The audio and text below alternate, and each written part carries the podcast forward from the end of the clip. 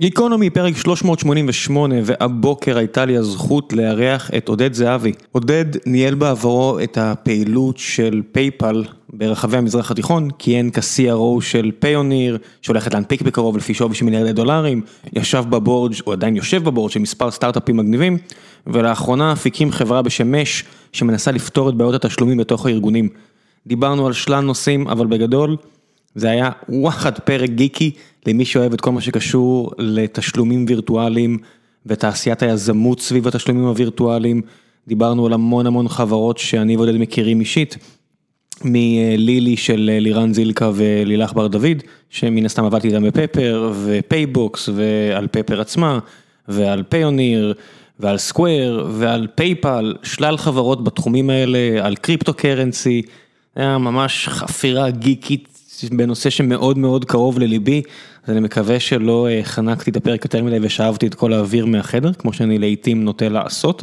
אה, לצערי, אבל עודד היה אדיר, הוא הביא כל כך הרבה דברים מעניינים והיה לי פשוט תענוג גדול לדבר איתו, ולפני שנגיע לפרק עצמו, אני רוצה לספר לכם על נותני החסות שלנו, והפעם זה הפודקאסט. מה שחשוב, מאת אביב פרנקל. עם ניסיון תקשורתי של מעל 20 שנה בגלי צה"ל, רדיו תל אביב וערוץ 10, אביב פרנקל משוחח עם מומחים בתחומם כדי לתת לנו כלים ופתרונות כיצד להתמודד נכון עם הנושאים החשובים באמת. המטרה שלו ושל החבר'ה בכלל שמפיקים את הפודקאסט הזה, היא להסתכל על הדברים שבשגרה שלנו, להבין כיצד ניתן לשפר אותם ואת איכות החיים שלנו. בפרק האחרון שהיה, אה, הם דיברו על מה שחשוב כשמדברים על ביטוחי בריאות פרטיים, נושא שמן הסתם אה, מאוד מעניין אותי ודיברתי עליו במספר פרקים פה בגיקונומי. אה, פרקים אחרים עסקו על פנסיה, על מערכת הבריאות באופן כללי, על סכנות ברשת. אני ממש מחבב את אביב, יש לו, זה לא הפודקאסט היחידי שהוא עשה. היה מעורב בעוד פודקאסטים עם אה, גוון טכנולוגי יזמי, אני מכיר אותו פה גם אה, מהתעשייה, יש לו סטארט-אפ בעצמו, בן אדם מאוד חד, מאוד סקרן, כיף גדול עם קול אה, מעולה לפודקאסטים, אז המלצה חמה ממני, הפודקאסט מה שחשוב מאת אביב פרנקל, תבדקו את זה. ועכשיו לגיקונומי עם עודד זהבי, תהנו.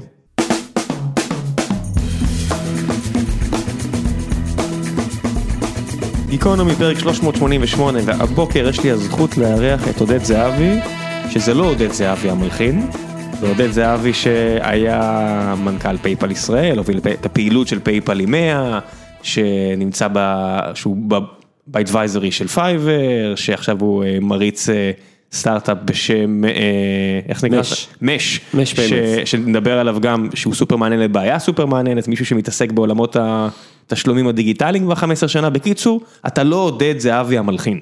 לא, א' הייתי המנהל האזורי של PayPal פה באזור, ולשאלתך, אני, בגלל גילי, תפסתי את העודד נקודה זהבי ב Gmail, ולכן אה, כל כמה שבועות אני מקבל ממלחין או מלחינה, או צ'לן או צ'לנית, אה, איזשהו אודיו עם בקשה לפידבק, אני אין לי שמיעה מוזיקלית לחלוטין, אה, ואני לכולם עונה בנימוס. יפה. שכן, זה כנראה לא אני, למרות שככה יודעים פחות או יותר מה הגיל המשוחח, כי היסטורית תמיד הייתה השאלה לגבי ירון זהבי, למי שהוא מספיק מבוגר אה, לקרוא חסמבה. היה חזרה, היה את הסדרת טלוויזיה וכאלה. כן, אבל זה, זה כבר מזמן, הרוב השאלות הן או על או זהבי, או על אה, כמובן ערן. זהבי, שכשבימים שהוא היה בצד הנכון, אפילו לקחתי את הבת שלי לצלם אה, ברכת אה, בת מצווה, ואז אמרתי לו, ערן תגיד אה, מזל טוב לעופרי זהבי, ואז אתה ראית בפרצוף שלו שהוא בטוח שהיא שינתה את שמה בגללו, אמרתי לו תירגע, תנשום, זה, אמיתי. בסדר, אה, אולי עוד יחזור אה, להזכיר לכם למה לא. אני אה, בספק. אני מקווה שלא גם. שיישאר איפשהו, אני שמעתי שנחמד בהולנד בתקופה הזו של השנה, הכל בסדר, אין צורך לחזור. לגמרי. מה אתה עושה בימינו? בכמעט שנתיים וקצת האחרונות אני ממנכ"ל את, את Mesh Payments, נדבר על זה, מיזם מרתק עם אנשים מופלאים, שנותן פתרון לחברות שצריכים, צריכות לשלם אה, לטובת את כל שירותי ה-corporate payment שלהם, subscription ולא רק. אה, ואני בכלל מנסה להיות מעורב ב ecosystem ה fintech הישראלי, הזכרת חלק מהחברות שאני מעורב בהן בצורה פורמלית, אני ב board של רווייר, עוד חברת פינטק מאוד מצליחה. אה, אבל בכלל, באופן כללי חברה מעולה.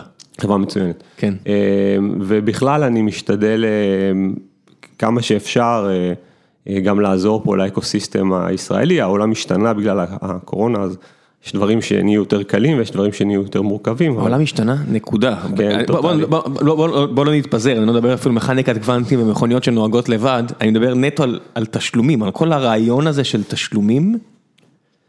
העולם מאוד השתנה. תראה, מה שקרה, הרבה, דבר, הרבה מגמות, עולם התשלומים באופן כללי, אה, ואני תמיד מדבר על זה עם, עם יזמים שלא באים מהתחום או משקיעים או בכלל, עולם התשלומים, אחד ה... הוא, מאחוריו יש כמה עקרונות בסיסיים. העקרון הבסיסי, שהוא פחות מדברים עליו, שבנקאים בנו את העולם הזה בצורה כל כך מורכבת, כדי להגן על עצמם, בטח עד שהם הגיעו לפנסיה. ולכן... תן דוגמה, זאת אומרת, כשמדברים על, אה, על, על חוזים משפטיים, אני, אני יכול להגיד לך בסיבוב השקעה, אני, אני יכול להגיד לעור- לעורכי דין, למה?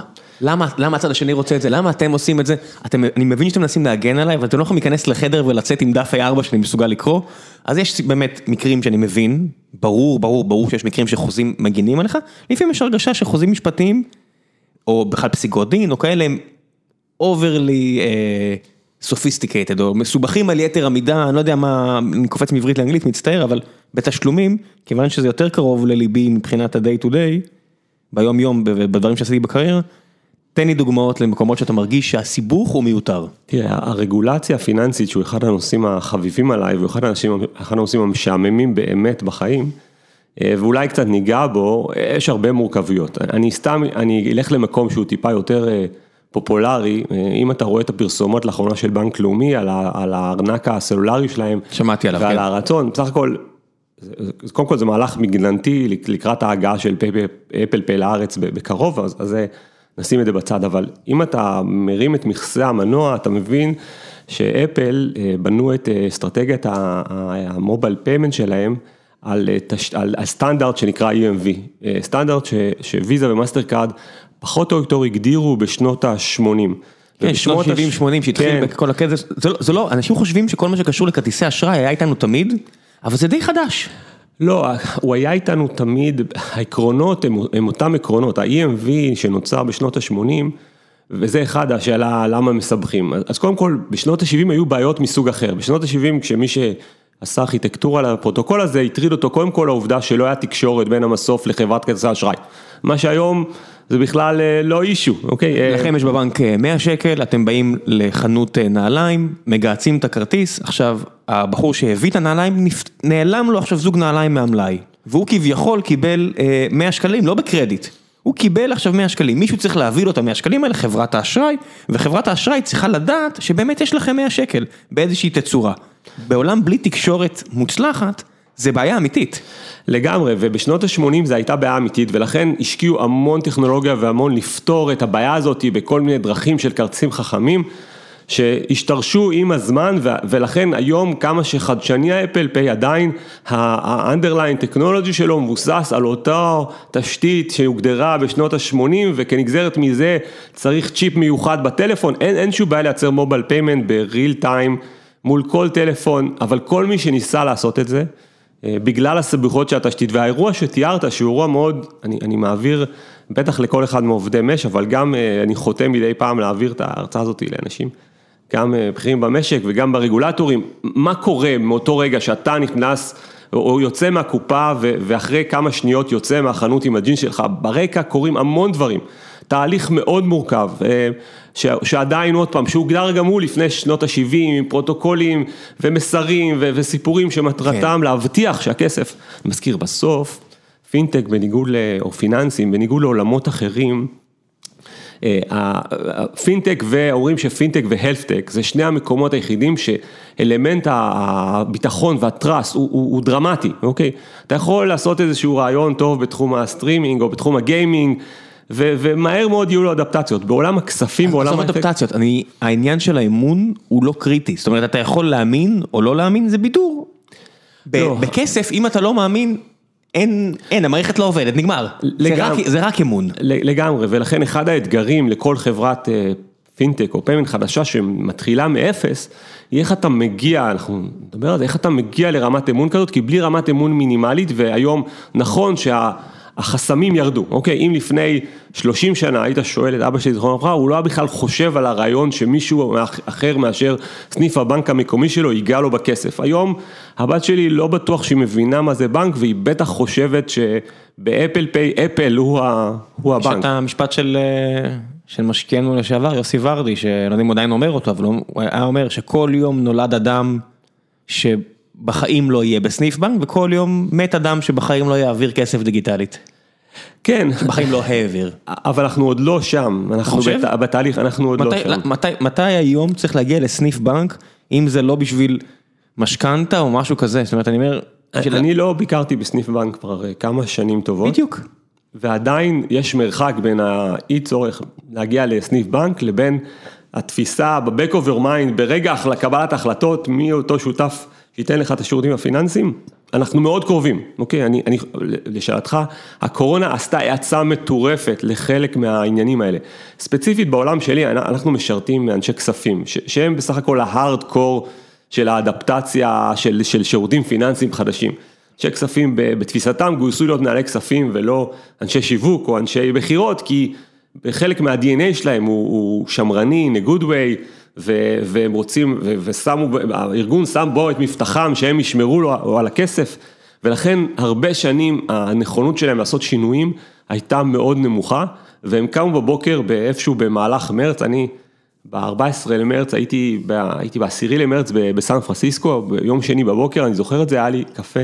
עם אורן זאב, אורן זאב הסתכל עליי, אמר לי, מה, מה אתה עושה פה, כאילו, חבל, סע הביתה, אין, אין לך, העולם השתנה, אני, אני עוד, עוד לא כל כך הבינו מה קורה, העולם השתנה, סע הביתה, אה, ת, ת, תצמצם מה שאתה יכול, אה, ותקווה לטוב, חבל לך לדבר עם משקיעים, הם לא יבינו בכלל את הבדיחה על להכניס כסף. אה, למי שלא מכיר, אורן זאב משקיע נורא מפורסם וידוע בכך שהוא עושה את הפגישות שלו בבתי קפה, זאת אומרת, אתה יכול לשבת עם בן אדם שיכול לתת לך צ'ק של 20 מיליון דולר בעצמו, אה, מטעם הקרן שלו, לא, בלי הרבה ועדות השקעה ובבלת אחר, מהבית קפה. לא, לא, אז... עוד לפני עוד... הקורונה, ש, ש, שנראה כאילו זהו, אה, סבבי השקעה גדולים עכשיו עושים בזום. והכל קרה כל כך מהר, עוד הספקתי להגיע, ל, ל, ללג לניו יורק, כי היה לי שם כמה פגישות וגם רובם בוטלו בדרך, נחתתי בניו יורק, הנהג מונית אמר לי, אתה יודע שבזמן שהיית בטיסה מסן פרנסיסקו, אה, טראמפ הודיע שסוגרים את ניו יורק, אתה בטוח שאתה רוצה לנסוע לעיר? אשתי כמובן בטלפונים היסטרי ואתה לא עוזב את שדה התעופה, עליתי על המטוס למחרת וחזרתי, וה... והאנשי, גם אנשי הכספים מצאו את עצמם באיזשהו היום הכיפורים שלהם, שבו הרבה מאוד מהתהליכים שלהם והמערכות שלהם, שהיו ערוכות לדברים ידניים ולא מרחוק ולא דיגיטליים, היו צריכים אה, למצוא פתרונות ומהר, ולכן נוצרה, נוצרה אקסלרציה, שהאקסלרציה הזאת היא חלק מהמשמעות שלה, היא שהרבה חברות פינטק צמחו בצורה מטורפת, מביל.קום והמניה המופלאה שלה מצד אחד, ועד השקעות עצומות בחברות פינטק, חלקם אפילו עם אוריינטציה ישראלית. כן, לילי, של חברי הטובים עם פפר וכל מיני כאלה, יש, אתם שקיבלתם בוסט, כל מיני חברות שפנו אליי בשנה האחרונה שפותרות כל מיני אה, בעיות כאלה ואחרות, חברות כמו טיפלתי, כל מיני חברות עפו קדימה, צריך להגיד באמת, הרבה, בגלל שהדפיסו הרבה כסף, אז הרבה חברות עפו קדימה, אני לא יודע מי, למי זה אוויר חם ומי באמת יש לו שירים טובים, לא רק בפינטק, בכל תעשיית היזמות, אבל אני רוצה לעשות הפרדה. יש צד אחד שזה הצד של האופרציה. בן אדם א' רוצה לשלם לבן אדם ב' ואיך דואגים לזה וזה גם משנות ה-70 ו-80 ובמקביל גם יש תהליך אחר שברגע שהתחיל כל מה שקשור לקרדיט והורדת חסמים כאלה ואחרים לא כל אנשי הפיננסים בעולם הם כאלה יבשים כמו שאתה מתאר, חלק לקחו אמרו אה קרדיט מעניין, אתה אומר אפשר לקחת את הקרדיט הזה לעטוף אותו ולמכור אותו הלאה מעניין. אז יש את הצד השני, ואנחנו רואים את זה גם היום עם רובין הוד והכל של וחברות אחרות שמאפשרות לך כבר לסחור, ב... לעניות דעתי כבר יש חברות שמאפשרות לך לסחור בדולר אחד, זאת אומרת, גם אם המניה של אפל היום שווה 600, אני לא יודע כמה היא עולה היום, אחרי הספליטים למיניהם, אי אפשר, אני כבר לא זוכר כבר, כאילו, כל החלוקות האלה של טסלה נגיד, 620, אתה יכול כבר לקנות דולר. כבר לא מניה אחת, ספליטים על, על שברי, והם ידאגו להכל. אז יש את האופרציה ויש את הספקולציה, אנחנו מתרכזים כרגע באופרציה. אז, אז פינטק זה נושא רחב, נכון שאני, רוב עבודתי הוא בעולם ה payments וגם עולם ה payments הוא נורא רחב. פעם אחד מהדברים המופלאים בעולם הפינטק, והרבה יזמים שניסו להיכנס, קודם כל יש הרבה בעיות, אוקיי? הכמות, כמעט איפה שאתה זורק אבן, יש pain, אוקיי? pain בתשלומים, ב-B2B, ב-B2C, בפרילנסר, כל הדברים שתיארת, כולם. בניהול של הבנקים, בניהול של החברות אשראי, כן. אז נורא קל לאתר את הבעיה. לזהות בעיה שהיא מעניינת, אוקיי? או אפילו להתקל בה בצורה אישית. הדבר השני, שהוא מאוד, שהוא מאוד אתגרי, העובדה שהאט"ם, או ה-addressable market, הוא הוא לרוב אינסופי, אני, היום אם אתה מקשיב למשקיעי הפינטק המובילים, רובם אומרים אני כבר לא, אפילו לא צריך במצגת השקעה שקף על ה-addressable market, כי כל דבר שאתה נוגע הוא, מה זה משנה אם ה-addressable market הוא שלושה וחצי טריליון או חמישה וחצי טריליון, הוא אינסוף, הוא, הוא אינסוף, אוקיי? אינסוף. ולכן הרבה משקיעים מתפתים, הרבה יזמים מתפתים להיכנס לעולם הפינטק, אומרים יש פה addressable market גדול, יש פה בעיה אמיתית, let's do it, הם רק שוכחים כמה אתגרים שהם מאוד ייחודיים לעולם הפינטק. האתגר הראשון הוא העובדה שבניגוד לחברות, ובארץ יש המון סייבר, המון סייבר חבר'ה נחמדים, מצאו איזושהי בעיה, מנסים לפתור אותה, גייסו קצת כסף, הצליחו, הצליחו, לא הצליחו, סגרו והמשיכו הלאה. בעולם הפינטק, אחד האתגרים, יובל טל מפיוניר תמיד אומר את זה, שאחד האתגרים זה שאם אתה עושה טעות... אכלת את זה, יובל טל, פיוניר, כן, יובל טל, פיוניר שהולך להנפיק השנה במיליארדי דולרים את החברה שלו לפי פרסומים זרים. כן, אז אנחנו אולי נדבר כמה מילים על פיוניר, חברה מופלאה, חברה... מהחברות הישראליות הפנטסטיות. צריך ללמוד, חלק מהאירועים שקרו שם צריכים להילמד בבתי ספר הכי גבוהים של סטארט-אפים, איך עושים את זה, איך עושים את זה נכון וכמה... מזל לפעמים הוא דרמטי בהצלחה של... לגמרי, אבל אני מחזיר אותך, אז יובל טייל אומר. אז בסך הכל אומר שבחברת פינטק אתה עושה טעות, אתה יכול למצוא את עצמך נרדף אחרי ה-FBI או אפילו בכלא, שזה הבדל משמעותי בחיים, בחיים של יזם. זה דבר ראשון. ודבר שני, בניגוד לעוד פעם לאותה חברת סייבר עם שלושה אנשים, היום כדי להקים חברת פינטק, ואני, ואני כן, במיוחד הבנקים לפעמים משתמשים, מתייחסים לחברות פינטק, כל חברה שמוכרת שרתים לבנקים היא חברת פינטק. פינטק היא חברה שמנסה לעשות disruption לשירותים פיננסיים.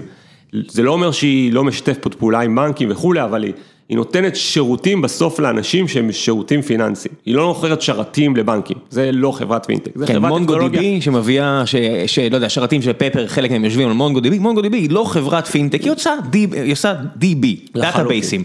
אמזון היא לא. לגמרי. אפל וגוגל, בגלל שיש להם שירותי תשלום, בוא נגיד שהם כבר... היום יש להם שירותי, שירותי פינטק לכל, לכל דבר, כן.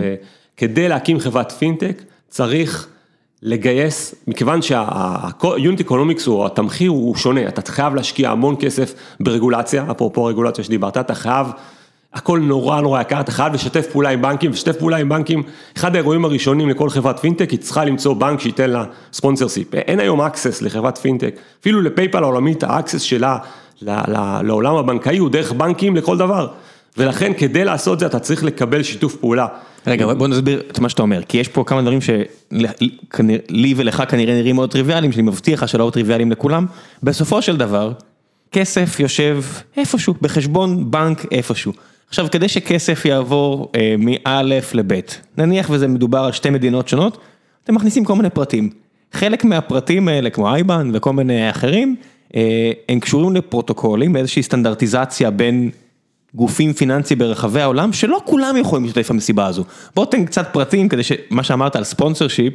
לחלוטין, אז הדבר כן. הראשון שאתה צריך לעשות ברחוב הפינטק, תלוי מה אתה עושה, אבל למצוא גוף פיננסי, לרוב בנקאי, באותה מדינה שבה אתה רוצה לפעול, שייתן לך בעצם את האפשרות, אני תמיד צוחק על ידעים, ייתן לך את האפשרות לייצר לו הכנסות ולשלם לו הרבה עמלות. זה ככה זה גם עמית, בפועל הוא נותן לך את האפשרות לרכב על גבו, להשתמש ברישיון שלו. להציע שירותים לאחרים כמעט במודל white label, הזכרת את, אה, ו, וכדי שזה יקרה, זה, זה תהליך יקר, יקר לייצר אותו כי צריך הרבה עורכי דין ואנשי רגולציה שיראו לבנק שאתה עומד בסטנדרטים אחרת לא ייתנו לך. ה compliance של הבנק, בטח. ה compliance של הבנק, וב' אתה לרוב מתחייב לעמלות מינימום. ברוב המקרים, שלא משנה אם העברת דולר או העברת מיליארד דולר, אתה תצטרך לשלם את הבנק, את העמלות האלה. למי שלא מבין, בנק לא יכול להתנהג איך שבא לו. בנק, הרבה פעמים תראו את השווי של בנקים בבורסה, הרבה פעמים הם נסחרים לפי מכפילים מאוד נמוכים. למה? כי בנק אמור להיות מאוד זהיר. הוא לא אמור להיות, הוא צריך להיות מאוד זהיר. היום עם השינויים של וודס וכל מיני רגולציות כאלה ואחרות, אה, הורידו קצת את החסמים, אבל בנק באופן כללי צריך להיות מאוד זהיר. אפילו החברות שהוא צריך להחזיק, הוא לא יכול להחזיק יותר מ-19% בחברה שעושה משהו שהוא סנטימטר ממה שהוא אמור לעשות. הם חייבים למזער את ההחזקות שלהם כדי שחס וחלילה לא יקרה שבנק עושה משהו שהוא לא בדיוק מה שהוא אמור לעשות. כטיפ קטן ליזמים מתחילים בפינטק, חלקם שמתחילים אומרים אוקיי אני צריך בנק, מה הם מכירים, סיטי בנק, וולס פארגו וכאלה, אומרים אם אני אצליח לשכנע אותם זה יהיה מצוין. אין מה לבזבז את זמנם, את זמן הסטארט-אפ וזמן פארגו לעשות בכלל לדבר איתם, הם לא גופים שבנויים להתמודד עם סטארט-אפים, יש בכל אחד מהשווקים, במיוחד האמריקאי והאירופאי, אלפי בנקים. שמתמחים בלעזור, לתת שירותים לסטארט-אפים, מבינים את ה mindset, הם יודעים לקחת סיכונים מצד אחד ולתת את האפשרות מצד שני, אף אחד לא שמע מי זה Metropolitan Commercial Bank, שזה הבנק שעובד איתנו, או CFSFB, או כל מיני כאלה, אבל כל הסטארט-אפים מצליחים, עובדים עם, אפילו Revolut לצורך העניין, עובד עם, עם, עם בנק מסוג זה, כי זה הדרך היחידה לעבוד. כמו שהמדינה דלוור לא מוכרת לאף אחד מלבד יזמים שהנפיקו, שהקימו חברה בארצות הברית וכולם רושמים את החברה ברשם החברות של state of Delaware. למה? ככה, כי הם רצו, כמו שאסטוניה עושה את זה לקריפטו, לצורך העניין, אז דלוור עושה את זה יזמים. מי מכיר את דלוור? זו מדינה בגודל של גוש דן, פחות או יותר. משהו כזה, אבל הם החליטו שהם עושים את זה, אתה לא רושם את החברה שלך בקליפורניה, אתה לא רושם את החברה שלך בניו יורק חס וחלילה, אתה רושם אותה בדלוור, אז כנ"לים, בנקים כאלה ואחרים שאתה הולך אליהם, בגלל שהם כמו אירלנד ומיסוי, למה, למה פייסבוק יושבת בדבלין ולא בלונדון, למה פייסבוק יושבת בדבלין ולא במינכן, כי אירלנד ב-race to the bottom רוצה להביא את החברות ענק אליה, ואמרו, כמו אינטל בארץ, בואו אלינו וניתן לכם הטבות שעוד 20 שנה נתחרט עליהם, עד אז אנחנו שמחים. נכון, ולכן כטיפ ראשון ליזם פינטק מתחיל, אחד השאלות הראשונות שהוא צריך לשאול את עצמו, במקביל לשאלה מה הבעיה ומה, וכל השאלות החשובות, הוא צריך לשאול אותו האם הוא מסוגל בנקודת הזמן ההיא לגייס כמות כסף משמעותית, אני היום אומר שפחות מ-2, 2.5 מיליון דולר לסיד. על המצגת, אוקיי? סיד. אין מה להתחיל לעשות שכבת פיה, הזכרת, אני מקווה שלך לא תיכנס עליי על לילי, כשלילי היו בתהליך הגיוס הראשון הם כבר היו מאוד מתקדמים והיו רוצים שירותים מבנק והבנק אמר להם, תשמעו, עד שאני לא רואה מיליון דולר שאתם יכולים להראות לי בחשבונות שלכם, אין, אני, אני לא מעלה אתכם production, הם כבר כן. סיימו את האינטגרציה. ואנחנו מדברים פה על שני חבר'ה, לילך שהובילה פה את לאומי קארד ולירן שהוא, נכון. אחרי זה פפר, אני אומר עוד לפני פפר שזה כאילו די משמעותי, לירן מאנשי הטכנולוגיה המבריקים שיצא לי לעבוד איתם והטובים שיצא לי לעבוד איתם בארץ, זאת אומרת צוות חזק להקים חברה ועדיין לאכול חרא בכפית מדלי בהתחלה. ובאותו רגע הייתי צריך להרים טלפון וממש ברמה האישית לבקש טובה ממנהל מנכ"ל אותה חברה שהייתה צריכה זה ולהגיד להם תשמעו יהיה בסדר, אני מכיר אותם, הם יגדלו. הם הם ישקו, יגייסו כסף, הוא אמר, באופן חריג, אני אתן, אעשה, אני אני מעולם לא עשיתי, לא הייתי מוכן לעשות את זה, אני אתן, והשאר הוא היסטוריה. בסופו של דבר צריך המון המון כסף כדי להתחיל, וצריך הרבה יותר כסף כדי להמשיך, כי זה רק, רק נהיה יותר מורכב, והיום כמות הגיוסים היא, היא יש אין סוף כסף. לא, כמות הגיוסים יורדת, היקף הגיוסים עולה. נכון. וגם אתה רואה שהפרסונות, פתאום אתה מתחרה במי שהקים את PayPal, מי שהקים, אתה יודע, אתה רואה מי עכשיו עושה בנקים בקליפורניה, או מי עושה את כל החדשנות, השמות, איך קוראים לו, הבחור, את לבצ'ין. Affirm, מקס לבצ'ין. מקס לבצ'ין, שפגשתי אותו, יוסי הכיר לי אותו במינכן, באיזה DLD, אתה מדבר עם הבחור, כולו צנוע כזה, קטן. והוא עולה על הבמה פתאום, כי אתה יושב לידו בשורה, מקשקש, אתה פתאום עולה על הבמה ואתה אומר, אה, אתה מנסה לשנות את העולם.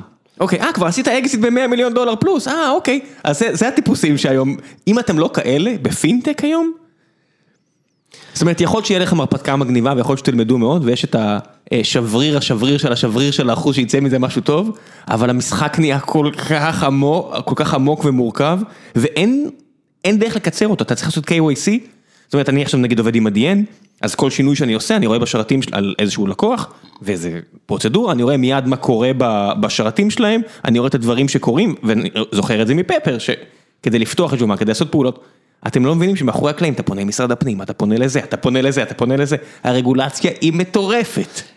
אין אין קיצורי דרך, והזכרת את הפרם או את מקס לבצ'ין כדוגמה, תחשוב על על מקס לבצ'ין, שכמו שאמרת, יש לו, הוא יכול לגייס אין סוף כסף בכל זמן נתון. גם ההבטחה שלו היא בוא אני אעשה הלוואה שזה דף A4, לא סתם אמרתי, זה דף A4, אתה יודע, זה, ככה זה היה ב-2015, 2016, אני לא זוכר מתי דיברתי איתו, אבל אתה אומר, אם הוא אומר, ככה נראה הלוואה היום, מביא לך stack של ניירות, נכון, אתה מכיר את זה שאתה חותם על 20 פעם, פה, פה, פה, פה, פה, פה ופה, הוא אומר, אני הולך לעשות את זה בדף A4, תנו לי כסף, זוזו לי מהדרך. תראה, בסוף Affirm הוא נושא חם עכשיו, כי אם כן. ראית את ה-S1 שלו, בסוף מתברר שכל הפרם הזה יושב על, על... ברור. יש בדיחה עכשיו על הפרם שאומרים שהפרם הוא בעצם אינטרמידיאטור בין החנות אה, ספורט, ציוד ספורט הזאתי לבין לווינס פרגו, כי שליש מהמחזור שלה בא מלקוח אחד שהוא, שהוא חנות ספורט ולכן ההנפקה גם אה, נדחתה, אני בכלל אה, מציע, ועוד פעם, לקס אפשטיין הוא עילוי וכולי וכולי, לקחת with a grain of salt, הכל. כל בן אדם, כל עצה מכל בן אדם ולהסתכל על כל, כל בן אדם בסוף הוא, גם מקס לבצ'ין הוא בן אדם, אבל להערתך, הדוגמה היא דוגמה מצוינת, כי בסוף זה חוזר בפינטק, יש בחור שנקרא, בחור, איש שנקרא קית' רבוי, הוא עכשיו מאוד חזק בה, הוא נלחם מאוד, הוא עבר למיאמי, יש עכשיו טרנד מאוד גדול, אם לא יודע אם אתה עוקב, של מעבר של הרבה מאוד משקיעי על ו-VCs לא. מסן פרנסיסקו לפלורידה. אני יודע שיוצאים לסן פרנסיסקו, אני יודע שעוברים לטקסס, לא ידעתי שלפלורידה, למה פלורידה? מיסוי? חם, חם ונעים, וגם חם ונעים אני חושב, ונוצרה שם, יש כמה אנשים מאוד חזקים שעברו ומנסים למשוך אחריהם. ועוד במיאמי? הוא עבר למיאמי לזיכרוני, אבל הוא מנהל מאבקי טוויטר קשים עם הראש העיר של סן פרנסיסקו. הוא בכלל מנהל מאבקים קשים, אבל... על מה? על, ה, על ה, באמת איך ניהלו את סן פרנסיסקו וכמה יקר שם וכמה מלוכלך שם וכמה וכולי וכולי. כן, כן. ולכן הוא קורא, הוא העביר ecosystem שלם, זה, זה כמעט נהיה עכשיו הכרזה של חלק מהסטארט-אפים שעוברים מסן פרנסיסקו, בכלל אני מציע... Wells Fargo גם עוברים? עדיין לא, אבל Oracle, ראית יצאו, הודיעו שהם כן, יוצאים. כן, אבל אנחנו לא מדברים על, על תשתיות ו DBs וכאלה וכל מיני חברות שבמילא נורא קל לעבור. בסופו של דבר סן פרנסיסקו וכל מה שקשור לפינטק בסן פרנסיסקו, זה אותו בנק שהפך להיות בשלב מסוים הכי גדול, תלוי איך תגידו גודל, הכי גדול בעולם, שרוב האנשים בארץ לא שמעו עליו עד לאחרונה, Wells Fargo, ואם שמעו זה בגלל הנטייה שלהם לפתוח לאנשים תמימים 12 חשבונות במקביל, יש Dirty Money ב Netflix, לכו על זה, אבל חוץ מזה זה גם מוסד פיננסי שדאג להקים את סן פרנסיסקו אחרי שהיא נשרפה בסוף המאה ה-19 ו... כל מי שבאזור הזה רואה את הבניינים הגבוהים שלהם, אי אפשר לפספס. לא, אז זה... מה זה לעבור לפלורידה? כאילו... לא, Wells Fargo זה, זה הערה מצוינת, היא דווקא מתחברת יותר להערה אחרת, שבהמשך לנושא של הרגולציה, יכול לזכור שבסוף ווילס פארגו כבנק היום מוביל בארצות הברית. כמות הקנסות על הלבנת הון, יש הרבה מאוד שיחות, אנחנו לא יודע אם יהיה לנו זמן לדבר על האפיק הישראלי, אבל אני אומר, בסך הכל יש היום מאוד קשה לחברות פינטק להתמודד בשוק הישראלי, בגלל חסמים רגולטיביים ובנקאיים וכולי וכולי, וכל הזמן הסיסמה היא הלבנת הון, הלבנת הון, הלבנת הון. מנסים למנוע, רגע, מה אתה מנסה להגיד? אתה אומר, למה אין פה יותר תחרות על הבנקים, למה לא באו השחקנים הגדולים מחו"ל, וכי בישראל מנסים להילחם בהלבנת הון, דברים קורים מאחורי הקלעים, אם פעם אנשים אירופאים שעשו פולי שטיק, באו לפה וקנו דירות והיו באים לסניף בנק עם אשכרה עגלה של כסף, והם אומרים, תודה רבה, אני אקח את זה. אז היו פה שתי כנסות גדולים ללאומי ופועלים, ועוד כמה בנקים שחטפו זפטה של מיליארד ומעלה. מיליארד דולר, לא, שקל, אני לא זוכר כבר מה הקנס. סכומים סכומים שהם דמיוניים, בטח ביחס לכל השקעה בסטארט-אפ כן, מצד שני, ישבו שני אנשים על ספסל ועשו עסקאות, על fucking ספסל בניו יורק, אז מגיע למה שמגיע. אני רק אומר שבאמת נלחמים בהלבנת הון בארץ, באמת באמת. בסופו של דבר, אני, אני לא חוזר אחורה ברזומה שלו, אני גם, שלי גם בהסתייגותי הייתי אפילו סמנכ"ל פיתוח עסקי של לאומי קארט, והיו לי שיחות הקשות עם אנשים, אנשים ונשים מאוד בכירים בבנק לאומי על השאלה הזאת, עוד לפני שהדברים, והסבירו לי כמה, כל מיני מיזמים שרצינו לעשות, כמה הם מסוכנים וכמה בנק לאומי הוא כל כך טהור וזך, טהור וזך, ונכון, בסוף ההמשך ידוע, וכל מה שאני אומר, בסופו של דבר, קודם כל אתה צריך להבין מה אתה רוצה, ושתיים, יש הבנה רגולטיבית בחברות סטארט-אפ היום, לא פחות גדולה מאשר בבנקים. בסוף, אחד ההבדלים המרכזיים, כל הזמן מתייחסים לטכנולוגיה. הטכנולוגיה בעולם, הפינ... בעולם הפיננסי היא אלמנט אחד, אבל הוא לא העולם, האלמנט המרכזי. ההבדל, אם אני מנסה לזקק את ההבדל הבאמת הסימפליסטי בין בנקאי לבין איש פינטק, שבנקאי מנהל סיכונים ואיש פינטק מנהל הזדמנויות, אוקיי? זה, אותה, זה, זה, אותה, זה אותו אירוע, אוקיי? הבנקאי יסתכל על זה, וזה, וזה אותו בן אדם שיכל להיות לפני זה איש פינטק וחזר לבנק vice versa, שהוא לפני שבועיים היה בבנק והיום הוא איש פינטק, אבל בסוף כדי להצליח, הבנקאי צריך לנהל את הסיכונים כי יש לו המון מה להפסיד, ודיברנו על זה, והאיש פינטק צריך לנהל הזדמנויות כי הוא רוצה להצליח ולגדול ולפרוץ. בסוף יש לך כסף, למי אתה מביא את הכסף? אז נכון שיש תשובה ויש כאלה, אבל בגדול בנקים הם מאוד לא ממהרים לתת הלוואות, אלא אם כן יש כל מיני בטוחות וכל מיני הבטחות וכל מיני ערבויות, ובצד השני יש לך כל מיני חברות כמו בלו ויין של... חבריי, באמת, שאני באמת אנשים שאני מאוד אוהב אישית. אייל וניר, כן. כן, אייל, וגם ניר, כמובן, ומהצד השני יש לך את... Fundbox. Fundbox, שתי חברות ששונאות אחת השנייה, שנאת מוות לעניות דעתי, או אולי, אולי הם כבר השלימו, אבל שיהיה לבריאות לשתיהן ובהצלחה, ומהצד השלישי יש לך עוד חברה ישראלית, את, כן, שמה שהן עושות זה factoring, מביאות לך הלוואות.